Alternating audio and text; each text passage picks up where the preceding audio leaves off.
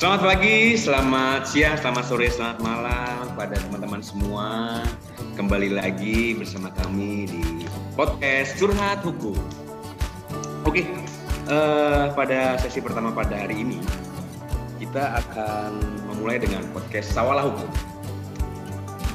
Sawala Hukum apa sih sebenarnya Sawala itu? Kata Sawala itu sebenarnya artinya apa? Karena mungkin kita lebih familiar dengan kata-kata yang lain.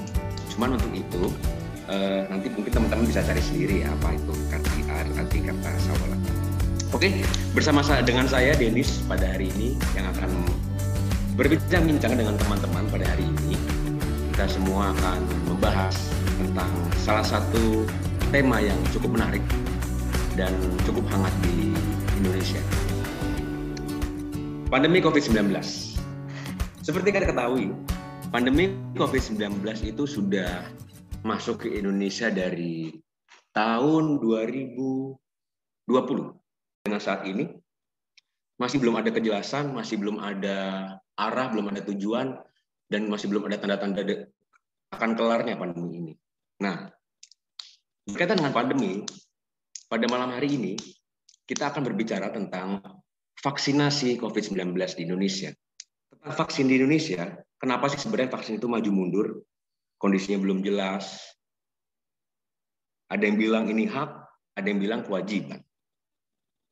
Tentu kondisi ini akan menimbulkan pro dan kontra kepada masyarakat luas di Indonesia. Oke, pada pada hari ini saya tidak sendirian, saya bersama dengan teman-teman saya. Oke, eh, kita sapa dulu ya teman-teman.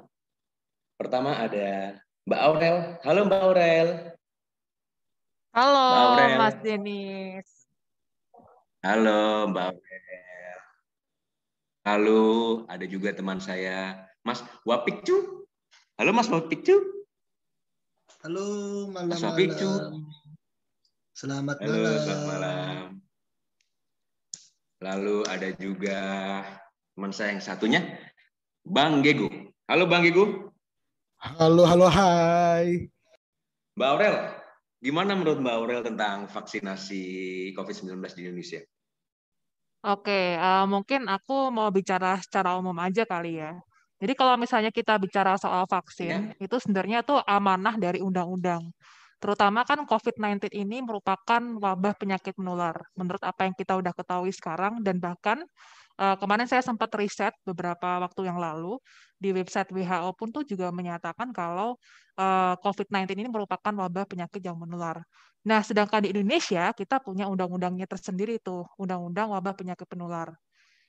Di Undang-Undang Nomor 4 Tahun hmm. 1984. Nah, di dalam uh, salah satu pasalnya, hmm. saya lupa di mana, uh, secara spesifiknya di pasal mana, itu menyebutkan cara salah satu penanggulangan itu menggunakan vaksinasi. Nah, jadi uh, menurut saya vaksinasi ini merupakan apa ya salah satu uh, cara di mana uh, cara ini bisa yang paling mudah ditempuh, yang yang saat ini ya karena kita udah menemukan vaksin, kenapa kita nggak melaksanakan vaksinasi kayak gitu. Jadi ini merupakan salah satu cara pemerintah, upaya pemerintah untuk menanggulangi wabah penyakit menular ini. Kayak gitu, Mas Dinis. Jadi uh, menurut Mbak Aurel ini memang harus ya vaksin ya, karena adalah salah satu cara yang paling efektif begitu untuk menanggulangi ya, ya, betul. pandemi COVID ini. Gitu ya. Betul, betul, betul Mas Enes. Oke. Nah, cuman aku pengen dengar pendapatnya juga nih dari Mas Wapikcu. Halo Mas Wapikcu. Halo, halo Bang Denis. Apa kabar? Tadi kan uh, Mbak Aurel sudah berbicara nih tentang uh, vaksinasi Indonesia itu adalah merupakan salah satu cara yang paling efektif untuk uh, menanggulangi pandemi COVID di Indonesia. Nah, kalau pandangan dari Mas Wapikcu ini, gimana sih Mas vaksinasi COVID-19 di Indonesia? Terlalu terburu-buru kalau aku sih ngomong untuk vaksinasi COVID-19. Hmm. Karena hmm. Hmm. Uh, oh bisa gitu terlalu terburu-buru? Kan sudah ada sudah keluar vaksinnya, uji klinisnya. Kenapa aku ngomong terburu-buru? Karena dalam mengeluarkan vaksin tersebut tuh seharusnya diimbangi dengan cara-cara edukasi terkait vaksin tersebut. Jadi jangan vaksin hmm. itu keluar terus dibantu dengan eh, peraturan-peraturan yang kita diharuskan vaksin tersebut. Padahal masyarakat kan juga berat tahu dia mau divaksin menggunakan apa, dia divaksin tujuan vaksin itu apa, lalu efek-efeknya dari vaksin itu apa. Nah, karena mungkin masyarakat belum jelas, belum ada apa namanya seperti sosialisasi dari pemerintah juga kan kita terus yang harus percaya untuk vaksin ini seperti apa. Makanya aku ngomong di sini vaksin ini terlalu terburu-buru sih. Itu ya. Jadi uh, menurut Mas Bapak itu sosialisasinya belum jelas, uh, masyarakat juga belum terlalu banyak masyarakat yang tahu ya. Informasinya belum sampai gitu maksudnya informasi terkait vaksin itu sendiri itu Mbak sekarang tuh masih banyak masyarakat yang belum mengerti. Hanya dia dapat hmm. dari beberapa potong beberapa potong terkait vaksin ini seperti apa gitu. Padahal kan kita juga harus mengetahui uh, vaksin itu apa hmm. sih, lalu kegunaan tujuan dari vaksin itu apa, efek sampingnya dari hmm. vaksin itu apa, lalu nanti jika ada efek samping yang ke kita itu kita mempertanggungjawabkannya kepada siapa, minta tanggung jawabnya kepada siapa ya kalau menurut saya sih terburu-buru hmm. dan belum ada sosialisasi atau pengertian terkait vaksin tersebut ke masyarakat. Sehingga kalau menurut saya kalau ada masyarakat yang menolak atau kurang setuju dengan vaksin ya jangan disalahkan. Dan jangan juga diwajibkan juga vaksin ini begitu. Iya. Karena kan ada beberapa di daerah yang eh, seperti Jakarta dan Surabaya, kalau nggak salah saya membaca, eh, dia itu kalau misalnya menolak vaksin didenda ya? Denda 5 juta apa denda berapa gitu? Nah, Bener, itu apa lagi, Bang? Hmm. Belum kita belum mengetahui apa-apa, tahu-tahu sudah ada peraturan yang mengatur perda lah yang mengatur bahwa kalau kita menolak hmm. vaksin kita didenda 5 juta. Padahal kan peraturan tersebut kan seharusnya tidak langsung serta merta dia memberikan hukuman denda 5 juta. Kan ada hak kita juga untuk kita mau menerima vaksin tersebut atau tidak. Hmm. Jadi jangan serta mertakan kalau kita menolak terus kita hmm. didenda 5 juta gitu kan semacam seperti hukum itu sebagai alat alat untuk menjalankan itu padahal kan hukum itu kan untuk menegakkan keadilan gitu bang. Jadi gimana Mbak Aurel tadi eh, pendapatnya Mas Wafik tentang eh, belum adanya sosialisasi, terlalu terburu-buru, informasinya belum sampai ke masyarakat eh, di seluruh Indonesia mungkin. Lalu eh, bahkan ada yang beberapa perda yang uh, dia uh, itu sampai denda kalau nolak vaksin. Oke oke Mas Denis. Jadi nyambung tadi yeah. yang diobrolin sama Mas Bapikco kan bilangnya terlalu terburu-buru nih. Nah sebenarnya tuh kalau kita klik lagi nih di Undang-Undang Kesehatan di pasal 5 ayat 3 itu menyatakan memang setiap orang tuh berhak secara mandiri dan bertanggung jawab menentukan sendiri pelayanan kesehatan bagi dirinya. Jadi memang sih sebenarnya vaksin vaksinasi ini yang kalau misalnya kita uh, asumsikan itu merupakan salah satu bagian dari pelayanan kesehatan, nah itu memang itu haknya orang untuk memilih dan bertanggung jawab apakah dia divaksin atau enggak. Tapi kita balik lagi, kita harus melihat kondisi yang sekarang ini, ini masalah waktu, kita berpacu dengan waktu. Kalau semakin lama pandemi ini berlarut-larut, kondisi ekonomi makin carut-larut, uh, kita mau gimana gitu? Apakah kita akan selamanya seperti ini gitu ya? Uh, jadi karena kita berpacu dengan waktu dan juga ini merupakan jenis penyakit yang baru dan terlebih tadi kita kita udah menemukan vaksin gitu ya menemukan vaksin kemudian ada uji klinis dan lain sebagainya ya uh, menurut saya merupakan salah satu cara yang efektif tadi kan termasuk cara untuk menanggulangi wabah sudah ada di undang-undang uh, peraturan mengenai vaksinasi itu sendiri jadi menurut saya ya ya mau mau gimana lagi. Jadi cara satu-satunya ya, untuk mengakhiri setidaknya ya secara perlahan-lahan lah sambil sambil melakukan vaksinasi juga sembari juga pemerintah bertanggung jawab untuk uh, memberikan informasi yang jelas gitu ya secara merata ke seluruh masyarakat mengenai vaksinasi ini. Seperti itu Mas Denis. Uh, memang pada dasarnya sesuai dengan Undang-Undang Kesehatan tadi pasal 5 ayat 3 yang kamu sebutkan memang itu adalah hak ya, hak setiap orang. Dan itu mungkin juga sekarang pemerintah juga masih proses ya proses uh, sosialisasi vaksin ke seluruh masyarakat di Indonesia. Karena kan kita tahu juga ya kondisi geografis di Indonesia kan sangat luar biasa sangat luas.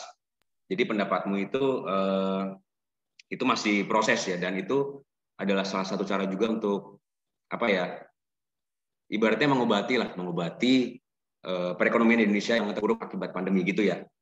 Betul, betul Mas Denny. Jadi ya uh, cara yang paling efektif sih itu. Sama mungkin saya mau nambahkan, kewajiban vaksinasi ini sebenarnya juga diatur di dalam Permenkes nomor 23 tahun 2018 tentang pelayanan dan penerbitan hmm. sertifikat vaksinasi internasional. Nah, sebenarnya walaupun hmm. tidak disebutkan cara spesifik tentang vaksinasi COVID karena kan kita tahu ini kan jenis penyakit yang baru gitu. Nah, uh, di situ dijelaskan hmm. kalau uh, untuk kewajiban vaksinasi ini bagi pihak yang akan melakukan perjalanan internasional dari dan ke negara terjangkit dan atau endemis penyakit penular tertentu. Nah, tadi kan seperti yang tadi saya sudah uh, bilang di awal, kalau COVID-19 ini merupakan penyakit menular. Jadi mau nggak mau, akan ada juga pemaksaan untuk kewajiban vaksinasi ketika orang akan melakukan perjalanan internasional. Jadi dicek tuh, udah vaksin atau belum, baru dia bisa melakukan perjalanan internasional. Karena kan kita di Indonesia negara yang terjangkit nih uh, penyakit menular COVID, gitu, Mas Dinis. Iya, iya. Oke, jadi itu uh, Permenkesnya itu adalah sebenarnya spesifikasinya adalah kewajiban untuk yang akan melakukan perjalanan internasional ya. Oke. Gimana nih Mas Wabikcu pendapatnya? Nah, kalau tadi Aurel ngomong nih yang terkait di Undang-Undang Kesehatan terkait hak dan kewajiban kita kan juga di situ kan kita diatur di pasal 7 pasal 7 di Undang-Undang Kesehatan nomor 36 tahun 2009 kan dia ngomong setiap orang berhak untuk mendapatkan informasi dan edukasi tentang kesehatan yang seimbang dan bertanggung jawab. Nah, di mana ini kalau kita belum mendapatkan informasi ataupun edukasi tentang kesehatan yang seimbang dan bertanggung jawab terkait vaksin ini, terus kita gimana dong kalau kita mau meyakini dari vaksin ini seperti apa? Jangan sampai kita dijadiin seperti kayak kelinci percobaan untuk kita diberikan vaksin ini. Belum ada riset yang jelas, belum ada uh, uji klinis atau keamanan yang jelas terkait dampak atau efeknya ini. Lalu jika ada dampak dan efeknya ini, pertanggungjawabannya seperti apa? Itu pun juga kan juga uh, nggak nggak terlalu sih apa namanya uh, nggak terlalu make sense lah kalau menurutku kalau kita belum dijelaskan. Nah, merujuk yang tadi Aurel ngomong juga tadi yang dari Permenkes nomor 23 terkait kewajiban kita pergi ke internasional kalau ke ekonomi, kalau menurutku di WHO sendiri pun juga ngomong bahwa untuk vaksinasi ini tidak tidak dilarang untuk mewajibkan orang untuk vaksin. Nah, kalau dia nggak vaksin, ya berarti ada beberapa konsekuen yang dia harus terima. Dan itu pun juga disahkan juga di terkait uh, kewajiban atau hak yang ada di Undang-Undang Karantina, Undang-Undang Karantina dan Kesehatan juga hmm. bahwa ke, apabila jika tidak berkenan untuk mengikuti tersebut, kita kita tidak serta merta untuk langsung diberikan sanksi pidana atau sanksi administratif. Gitu. Jadi kalau menurutku sih konteksnya ini vaksin ini itu untuk apa? Untuk perbaikan ekonomi kah atau untuk eh, apa namanya? Untuk perbaikan ekonomi atau untuk perbaikan ke masyarakat, kesehatan masyarakat. Karena hmm. untuk eh, perbaikan ekonomi itu kan nggak serta merta juga akan berdampak di kesehatan. Karena kalau kita kesehatan semua otomatis sistem ekonomi juga kita kan harus apa namanya eh, akan baik dengan sendirinya gitu loh. Tapi kalau kita mau memperbaiki sistem ekonomi dulu tanpa kita memikirkan kesehatan kepada masyarakat, itu juga kan aneh. Mau ekonomi gimana bagus kalau yang menjalankan roda ekonominya juga nggak jelas gitu loh. Hmm. Oh iya ya. Jadi uh, tadi saya tertarik dengan uh, kata-katanya Mas Wabik Juni, kelinci percobaan. Sebenarnya nanti mungkin kita akan e, bertanya ya pada teman kita yang mungkin expert e, vaksinasi uji klinis vaksinasi itu sebenarnya sampai mana. Nah e, sebelum ke situ, Mas Wafik sebenarnya kalau di Indonesia itu vaksinnya ada apa aja? Ada berapa jenis vaksin yang masuk ke Indonesia? Apa kalau vaksin di Indonesia yang ada di Permenkes ini kalau nggak salah ada enam vaksin yang ngembangin dari pihak PT Bio Farma. Mm-mm. Ada Astra, ada Sinovac, ada Sinovac, Mm-mm. lalu ada tiga yang lain itu itu ada kok di Mm. peraturan Menteri Kesehatan terkait pengadaan vaksin itu di situ ada. Nah, karena dari situ juga ada enam vaksin. Nah, kenapa kalau memang kita sudah ada obatnya atau sudah ada vaksinnya, kenapa kok begitu banyak vaksinnya ini? Sedangkan satu vaksin aja kita Hmm. belum mengetahui nih apa efek sampingnya, terus lalu pertanggungjawabannya seperti apa. Kenapa saya selalu ngomong pertanggungjawabannya? Karena gini loh, kalau memang vaksin ini sudah efektif, tanggung jawabnya itu jelas, tanggung jawab ke pribadi. Tapi kalau ini belum efektif, tanggung jawabnya ini ke siapa gitu loh. Apakah ke pemerintah kah atau ke siapa? Karena ini balik lagi balik ke ke tubuh kita Hmm. sendiri. Kita kalau mau berkeluh kesah nih terkait sesuatu kita mau ke mana? Anggapannya gitu aja loh. Tadi dari Mas Wapikcu, dia berbicara tentang pertanggungjawaban. Artinya ketika seseorang divaksin, itu tuh masih belum ada pertanggungjawaban yang jelas akan efek sampingnya. Karena kan kita tahu juga ya, kembali lagi ke daya tahan tubuh kita. Kalau misalnya memang kita kuat, mungkin efek sampingnya nggak tidak terlalu berefek pada eh, tubuh kita. Cuman kalau misalnya kita punya suatu alergi atau apa, nah itu mungkin kan akan berefek samping. Nah itu tadi kenapa sampai Mas Wabikcu mengatakan kita tuh kayak seakan-akan seolah-olah kita tuh adalah kelinci percobaan. Nah itu gimana, Mbak Aurel? Tadi soal apa tadi? Eh, efek samping ya? Per, eh, pertanggungjawaban, pertanggungjawaban after COVID- eh, after vaksin ini kita kan nggak tahu nih siapa nih yang eh, masih belum jelas gitu loh pertanggungjawabannya. Kalau misalnya ada eh, apa ya efek sampingnya tuh misalnya pusing atau apa, nah kita tuh belum tahu nih siapa yang bertanggung jawab, apakah rumah sakit kah, ataukah eh, pemerintah kah? Nah, Oke, eh, kalau masalah kejadian pasca imunisasi itu tuh diatur di dalam Permenkes eh sorry, Permenkes 12 2017 tentang penyelenggaraan imunisasi. Nah, vaksinasi kan termasuk bagian dari itu. Nah, ketika terjadi efek samping itu, ada yang namanya kejadian ikutan pasca imunisasi atau singkatannya KIPI nih. Nah, kalau misalnya setelah vaksinasi, after vaksinasi, itu ada eh, gejala-gejala yang menunjukkan eh, misalnya tidak cocok gitu ya sama vaksinnya. Nah, itu bisa tuh segera dilaporkan ke fasilitas pelayanan kesehatan yang menyelenggarakan eh, vaksinasi itu sendiri. Dan kalaupun nanti eh, mengas apa KIPI tadi eh, terjadi, itu pun eh, segala biaya atau apa pengobatannya itu ditanggung sama negara itu ada di Permenkes 12 tahun 2017 itu udah diatur di sana. Jadi eh, udah diatur ya. Dalam kalau misalnya ada gejala KIPI ya, KIPI, betul ya KIPI ya Iya betul mas. singkatannya ya, KIPI. Itu nanti bisa langsung memberi laporan. Nah, menarik nih. Kenapa menarik? Karena dari tadi tuh ada yang dari tadi tuh kayaknya ada yang gregetan pengen ngomong gitu kan. Cuma dari tadi diem aja. Kenapa sih kamu diem aja coba? Bang Gego, kamu kasih pendapat sedikit dari obrolan mereka berdua.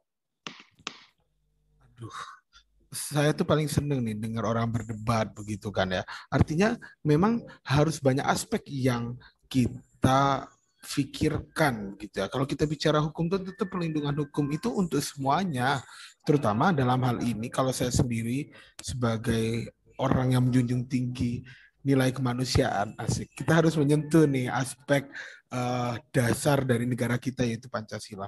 Yang berkemanusiaan itu ketika kita melindungi yang rentan begitu kan ya. Kalau kita bicara dalam aspek ini, maka pasien itu orang yang rentan. Tetapi kita bahas juga kalau misalnya kayak pasien gitu, apakah orang yang menerima vaksin itu juga bisa kita anggap pasien? Sedangkan kan orang yang divaksin itu orang yang sehat kan gitu ya. Namanya juga meningkatkan imunitas dengan cara ada bantuan uh, dari obat-obatan katakanlah begitu yang kita sebut dengan vaksin. Vaksin itu bukan obat sekali lagi tapi ya yang saya maksud adalah menganalogikan saja. Nah, dalam hal ini ya, memang banyak sekali vaksin yang sudah di, uh, digunakan di Indonesia. Sebenarnya ada aturan lagi yang mengenai uh, vaksinasi ini. Ada yang vaksinasi gotong royong juga nih. Mungkin nanti biar kita dengerin ya Aurel sama Wafik komentarnya gimana begitu kan. Mas Wafik Cu itu memang dari tadi dia sangat mengkritisi mengenai bagaimana nih kalau ada pertanggung apa pertanggungjawabannya. Kalau dari Aurel kita juga udah dengar ternyata mengenai pertanggungjawaban sudah diatur dan itu bahkan dari peraturan Menteri Kesehatan dari tahun 17 2017 begitu ya. Saya mau menyimak dulu deh uh, perbincangan yang sungguh menarik ini. Artinya kita di sini berdebat untuk mencari hal yang paling terbaik untuk mencegah dan mengendalikan COVID di Indonesia kita bicara apakah vaksin ini memang benar yang sangat baik untuk diperjuangkan kan gitu. Saya mau nyimak dulu deh Mas Denis, biarin mereka saling berargumen gitu ya. Oke, Bang Gigo. Bang Gigo dari tadi ngapain sih diem-diem aja nggak ngasih komen nggak sini udah tahu mereka berdua baru berdebat. Ya nggak apa-apa. Kita kan harus saling sharing begitu kan ya. Saling sharing dan mendengarkan tuh terkadang lebih baik.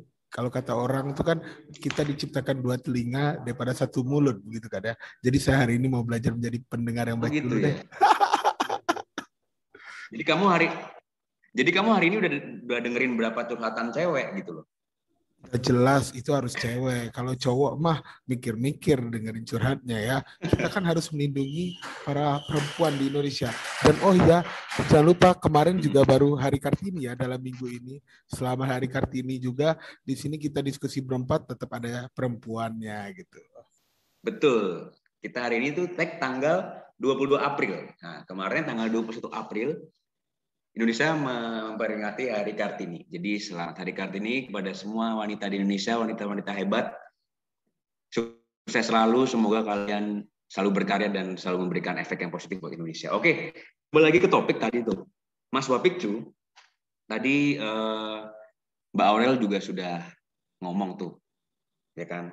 Ada yang namanya eh, gejala setelah imunisasi dan itu nanti juga dia bisa melapor gitu kan. Nah itu gimana Mas Picu? Iya menarik banget tadi Aurel ngomongnya tadi yang terkait Permenkes nomor 12 tahun 2017 itu tadi bahwa yang sudah diimunisasi nanti akan mendapatkan efek samping atau DT nanti setelah ada di efek samping dia berhak untuk melaporkan ke pemerintah atau ke dinas kesehatan terkait. Nah, sekarang pertanyaannya lagi gini, apakah sama vaksin yang untuk imunisasi eh, imunisasi tersebut kita kategorikan sama dengan vaksin COVID ini, gitu loh. Apakah dampaknya juga itu pun sama untuk kita bisa pertanggungjawabkan? Karena menurutku gini, kalau yang imunisasi yang kita bisa imunisasi flu untuk anak uh, untuk yang balita dan lain-lain itu kan sudah jelas, sudah diedarkan juga edarannya bahwa vaksin ini mengandung ini ini ini aman untuk ini ini ini. Nah, untuk vaksin COVID ini sendiri apakah sudah jelas atau sudah ada uh, laporan atau minimal obrolan dari pemerintah bahwa vaksin Sinovac aman untuk dikonsumsi ini, vaksin uh, AstraZeneca aman untuk dikonsumsi ini. Itu apakah ada dia sudah mengeluarkan statement seperti itu? Kalau hanya mengeluarkan statement omongan saja, semua orang pasti bisa mengklaim itu aman. Tapi dari data yang dia sudah lakukan vaksin tersebut itu sebenarnya vaksin ini tuh benar-benar aman nggak sih?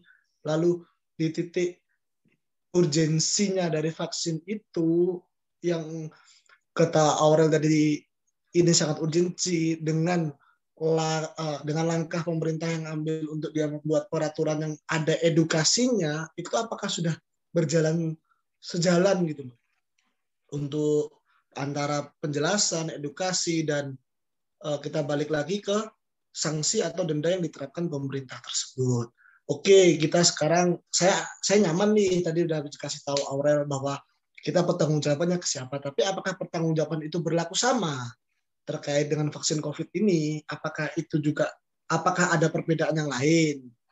Gitu. Kalau menurut saya sih pemerintah jangan terburu-buru dulu lah untuk menjelaskan bahwa vaksin ini kewajiban atau apa. Tapi edukasi dulu lah masyarakat ini terkait vaksin itu seperti apa dampak vaksin itu. Lalu kalau ada apa-apa dengan vaksin, pertanggungjawabannya kita ke mana? apakah sama dengan pertanggungjawaban dengan undang-undang oh, sorry bukan undang-undang Permenkes nomor 1217 begitu Mas Denis. Jadi eh, sebenarnya eh tapi sebelumnya dari kita semua ini yang udah vaksin siapa aja ya? Mas Wapit sudah vaksin ya? Nah, saya ini takut, Bang Denis. Seharusnya saya sudah dapat sudah dapat jatah vaksin nih dari ya. itu. Cuman karena informasi yang belum jelas ini, saya tuh takut. Oh, gitu. Gimana ini loh? Iya, iya, nanti iya. saya setelah vaksin saya demam, flu, apakah ini juga salah satu dampak dari vaksin? Atau setelah vaksin ini saya malah mm-hmm. jadi patah hati atau gimana? Saya juga kan bingung gitu loh. Duh, kok patah hati sih? Nggak ada hubungannya dong, Mas Wapicu. Aduh. Oke, terima kasih Mas Wapicu. Mbak Aurel, gimana Mbak Aurel? Eh, Mbak Aurel tuh udah udah udah vaksin belum? Udah dapat jatah vaksin apa belum ya? Sebagai karyawan swasta biasa nih Pak, kayaknya tahapan saya kena dapat vaksin tuh kayaknya masih jauh banget deh. Nggak tahu kapan. Oh belum ya? Belum belum. Oh belum. Ya itu tadi uh, Rel nyambung punyanya Mas Wafik nih.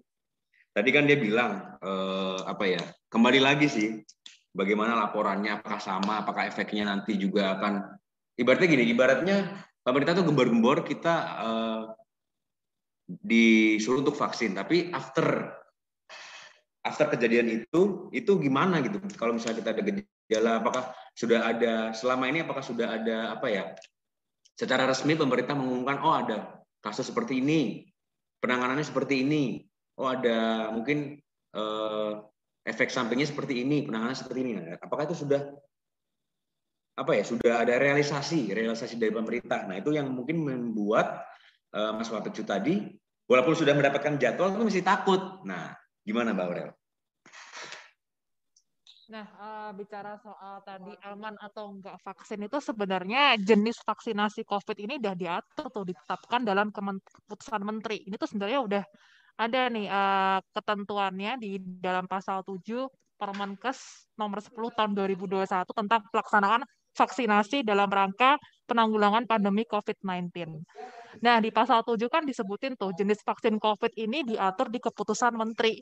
Dan sebenarnya jenis vaksin ini juga udah mendapatkan izin edar atau uh, nomor izin edar dari Badan Pengawas Obat dan Makanan atau BPOM. Jadi menurut saya selama itu sudah uh, me melalui berbagai rangkaian uh, tes atau berbagai rangkaian uh, uji coba dan juga sampai akhirnya mendapatkan nomor izin edar dan bahkan ditetapkan dalam keputusan Menteri Kesehatan, uh, menurut saya uh, seharusnya masyarakat tuh punya kepercayaan gitu loh terhadap pemerintah. Ya mungkin ya secara bodohnya tuh ya kali pemerintah mau mencelakakan masyarakatnya. mungkin gitu sih lebih secara bodohnya tuh kayak gitu. Uh, jawabannya kayak gitu sih Mas Dinis.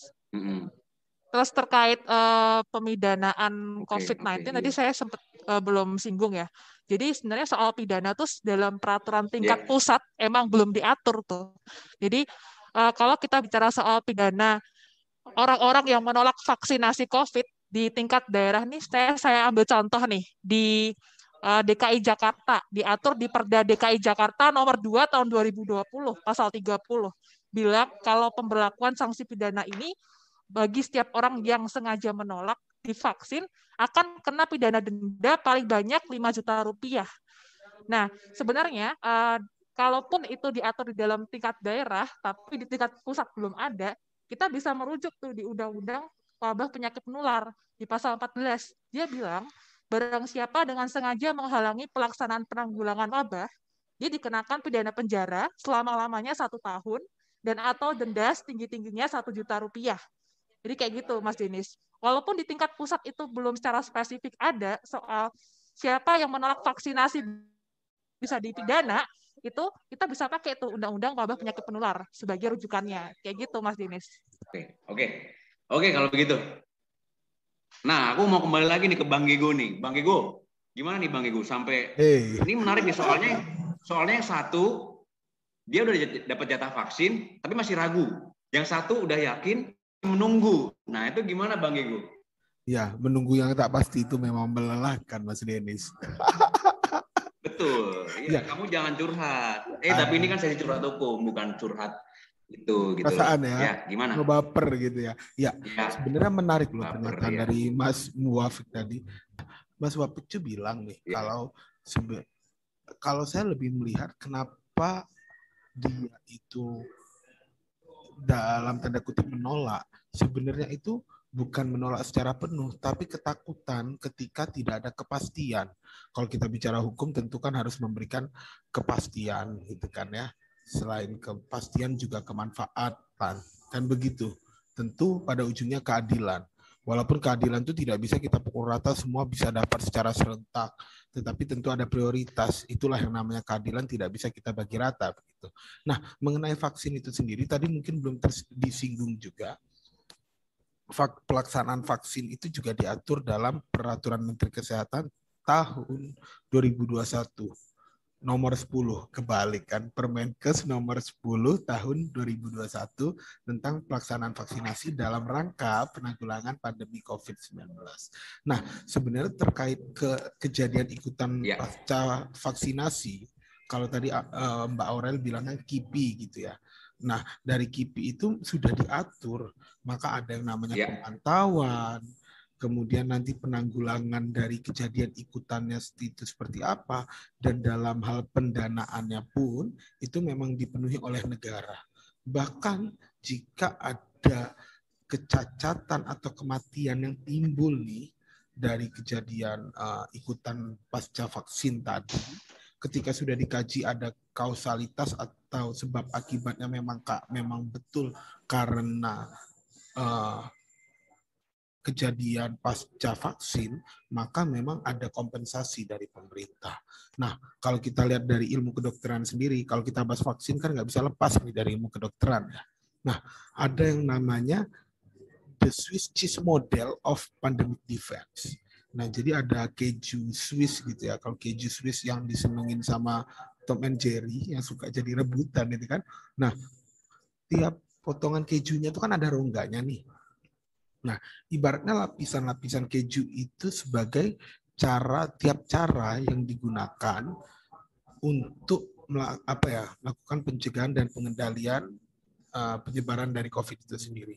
Bisa physical distancing, kemudian penggunaan masker, cuci tangan, etiket batu, dan lain-lain.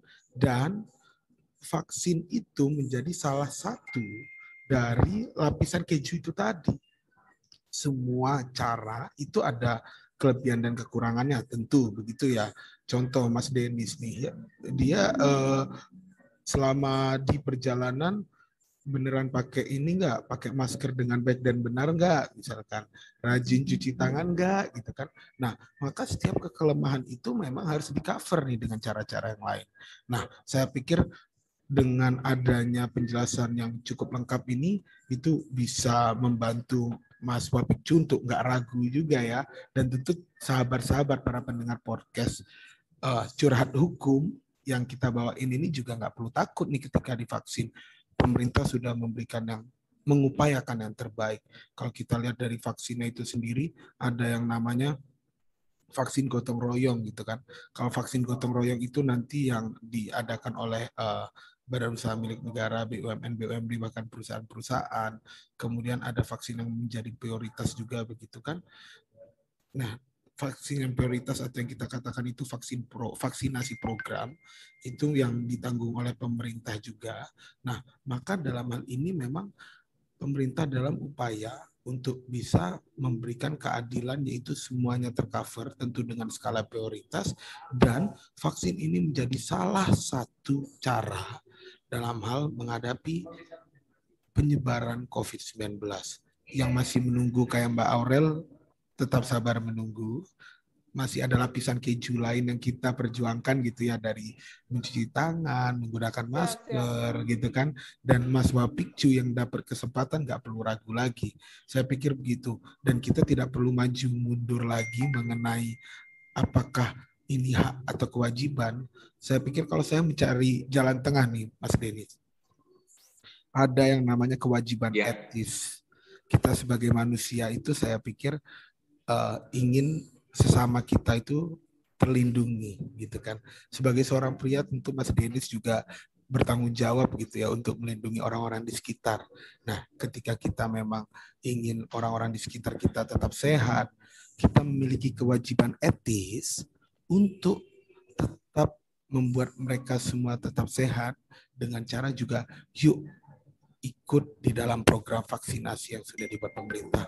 Jangan ragu, semua disiapkan dengan baik walaupun kita lagi heboh juga nih mengenai vaksin lain yang lagi diperdebatkan uh, secara kaidah keilmuan kedokteran. Vaksin apa tuh? Oh, nanti kita vaksin, bisa bahas. Vaksin apa ya, Bang ya? Podcast-podcast selanjutnya nih. Kita masih harus menunggu nih. Oh, okay, Topik okay, ke depan kita harus tanya. Oh gitu ya? Masih harus menunggu kayak Mbak Aurel berarti ya? Ya, gimana? Masih harus menunggu kayak Mbak Aurel berarti ya? Iya, masih menunggu. Nah, nanti kita tunggu topik selanjutnya nih, yang mana kita harapkan juga ada saran-saran dari teman-teman para pendengar mau topik apa yang kita bahas ke depan. Itu sih kalau dari aku, nggak tahu nih, misalnya Mas Denis, Mbak Aurel, atau Mas Wapikjo ada pandangan lain juga. Oke, uh, terima kasih ya Bang Gigu ya, dengan wawasannya, pandangannya. Sebelum kita akhiri podcastnya, karena sudah cukup lama ya, ntar kalau misalnya kita terlalu lama, ntar yang dengerin juga bosen. Dari Mas Wapikcu, atau Mbak Aurel, apakah ada eh, pendapat-pendapat lagi?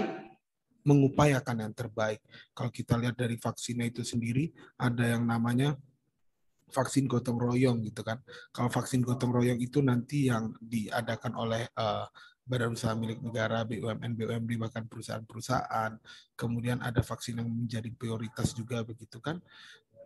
Nah, vaksin yang prioritas atau yang kita katakan itu vaksin pro, vaksinasi program itu yang ditanggung oleh pemerintah juga. Nah, maka dalam hal ini memang pemerintah dalam upaya untuk bisa memberikan keadilan yaitu semuanya tercover tentu dengan skala prioritas dan vaksin ini menjadi salah satu cara dalam hal menghadapi penyebaran COVID-19 yang masih menunggu kayak Mbak Aurel tetap sabar menunggu. Masih ada lapisan keju lain yang kita perjuangkan gitu ya dari mencuci tangan, menggunakan masker gitu kan. Dan Mas Wapikcu yang dapat kesempatan nggak perlu ragu lagi. Saya pikir begitu. Dan kita tidak perlu maju mundur lagi mengenai apakah ini hak atau kewajiban. Saya pikir kalau saya mencari jalan tengah nih, Mas Denis, ada yang namanya kewajiban yeah. etis. Kita sebagai manusia itu saya pikir uh, ingin sesama kita itu terlindungi gitu kan. Sebagai seorang pria tentu Mas Denis juga bertanggung jawab gitu ya untuk melindungi orang-orang di sekitar. Nah, ketika kita memang ingin orang-orang di sekitar kita tetap sehat, kita memiliki kewajiban etis untuk tetap membuat mereka semua tetap sehat dengan cara juga yuk ikut di dalam program vaksinasi yang sudah dibuat pemerintah. Jangan ragu, semua disiapkan dengan baik walaupun kita lagi heboh juga nih mengenai vaksin lain yang lagi diperdebatkan uh, secara kaidah keilmuan kedokteran. Vaksin apa tuh? Oh, nanti kita vaksin, bisa bahas vaksin apa ya, Bang ya? Podcast-podcast selanjutnya nih. Kita masih harus menunggu nih. Okay, Topik okay, ke depan kita harus tanya. Oh gitu ya? Masih harus menunggu kayak Mbak Aurel berarti ya? Ya, gimana? Masih harus menunggu kayak Mbak Aurel berarti ya? Iya, masih menunggu. Nah, nanti kita tunggu topik selanjutnya nih, yang mana kita harapkan juga ada saran-saran dari teman-teman para pendengar mau topik apa yang kita bahas ke depan. Itu sih kalau dari aku, nggak tahu nih, misalnya Mas Denis, Mbak Aurel, atau Mas Wapikjo ada pandangan lain juga. Oke, uh, terima kasih ya Bang Gigu ya, dengan wawasannya, pandangannya. Sebelum kita akhiri podcastnya karena sudah cukup lama ya. Ntar kalau misalnya kita terlalu lama, ntar yang dengerin juga bosen. Dari Mas Wapikcu atau Mbak Aurel, apakah ada eh, pendapat-pendapat lagi? Ya, kalau aku sih pada prinsipnya terkait vaksin ini mendukung lah, tapi jangan serta merta itu menjadikan menjadikan hal tersebut untuk kewajiban kita. Jadi ada langkah-langkah tersebut yang harus ditempuh untuk member, memberikan rasa kepercayaan aman dan rasa kepastian kepada masyarakat terkait vaksin ini. Gitu sih. Tapi oke lah mantep nih.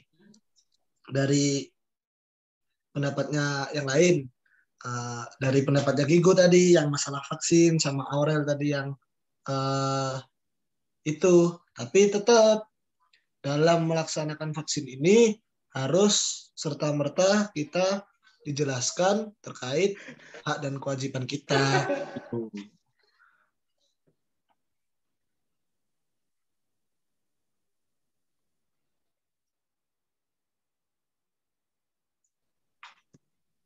Oke, uh, Mas Taufik. Itu tambah si Mbak Aurel. Mbak Aurel. Halo. Oke, kalau dari aku pribadi, ya.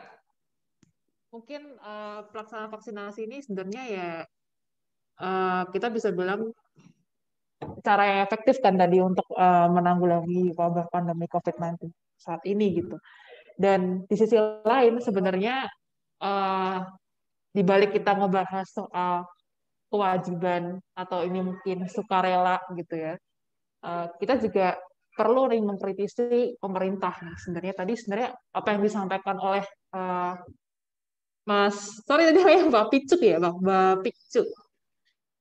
Mbak Picu ini yang dia mengkhawatirkan soal vaksinasi COVID-19 ya ada benarnya juga karena mungkin sampai sekarang pemerintah juga masih belum optimal gitu uh, untuk mensosialisasikan soal vaksin ini uh, kewajibannya atau mungkin eh, tahapan-tahapan uh, apa vaksinasinya terus uh, apa efek sampingnya dan lain sebagainya mungkin belum uh, terlalu apa ya belum meluas gitu ya sosialisasinya maupun uh, gimana caranya itu masyarakat banyak yang mendukung soal program vaksinasi ini. Jadi kayak gitu sih, uh, mungkin lebih ke pemerintahnya gimana caranya uh, vaksinasi ini bisa diterima di masyarakat, kayak gitu. Iya, ini karena Mas Denis ini sedang mencari sinyal juga. Kebetulan kita bikin podcast ini bareng-bareng dengan cara terpisah gitu ya. Jadi saya sambut dulu nih. Ya, kalau yang saya tangkap juga memang kita semua sebenarnya sama-sama mendukung ya uh, vaksin itu pelaksanaan, tapi tentu dengan masukan dari Mas Wapicu, ayo oke okay, kita vaksin, tapi pelaksanaannya harus jelas dan yang saya tangkap juga adalah ketika itu sudah tertuang dalam norma hukum positif, hukum yang berlaku di masyarakat, maka memang kita jaga keberlakuannya dan jangan sampai rakyat kita itu menderita dan tidak mendapat kepastian, kemanfaatan, bahkan keadilan itu sendiri.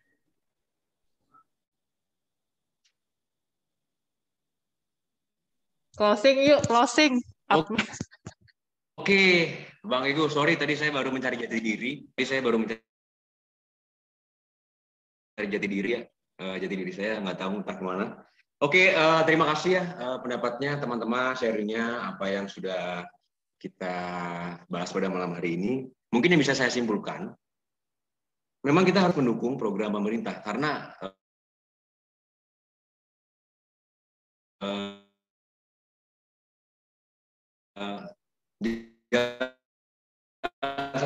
satunya untuk mencegah ini adalah salah satu dengan vaksin. Jaga protokol kesehatan di mana pun kita berada. Jangan lupa 3M, memakai masker, mencuci tangan, dan menjaga jarak. Itu dari saya itu kembali lagi ke opini kita masing-masing. Itu adalah uh, pendapat kita masing-masing. Terima kasih buat teman-teman semua yang sudah mendengarkan. Semoga di podcast pertama ini bisa membawa manfaat bagi teman-teman semua. Dan jangan bosan-bosan ya dengerin kita ini kita juga masih belajar, kita masih mencoba untuk uh, memberikan uh, podcast yang menarik buat teman-teman semua. Kita juga masih butuh masukan, saran. Buat teman-teman yang mau memberi masukan dan saran, kita tunggu ya di Instagram kita di at Great Yurtis G R E A T Y U R I S bisa dilihat nanti di kolom deskripsi. Terima kasih semuanya. Terima kasih atas waktunya. Sampai jumpa di podcast berikutnya. Dah, goodbye. Thank you, thank you. Yo, dadah. Yo, bye. Yo, makasih ya. Mas Abicu, Mbak Aurel, dan Bang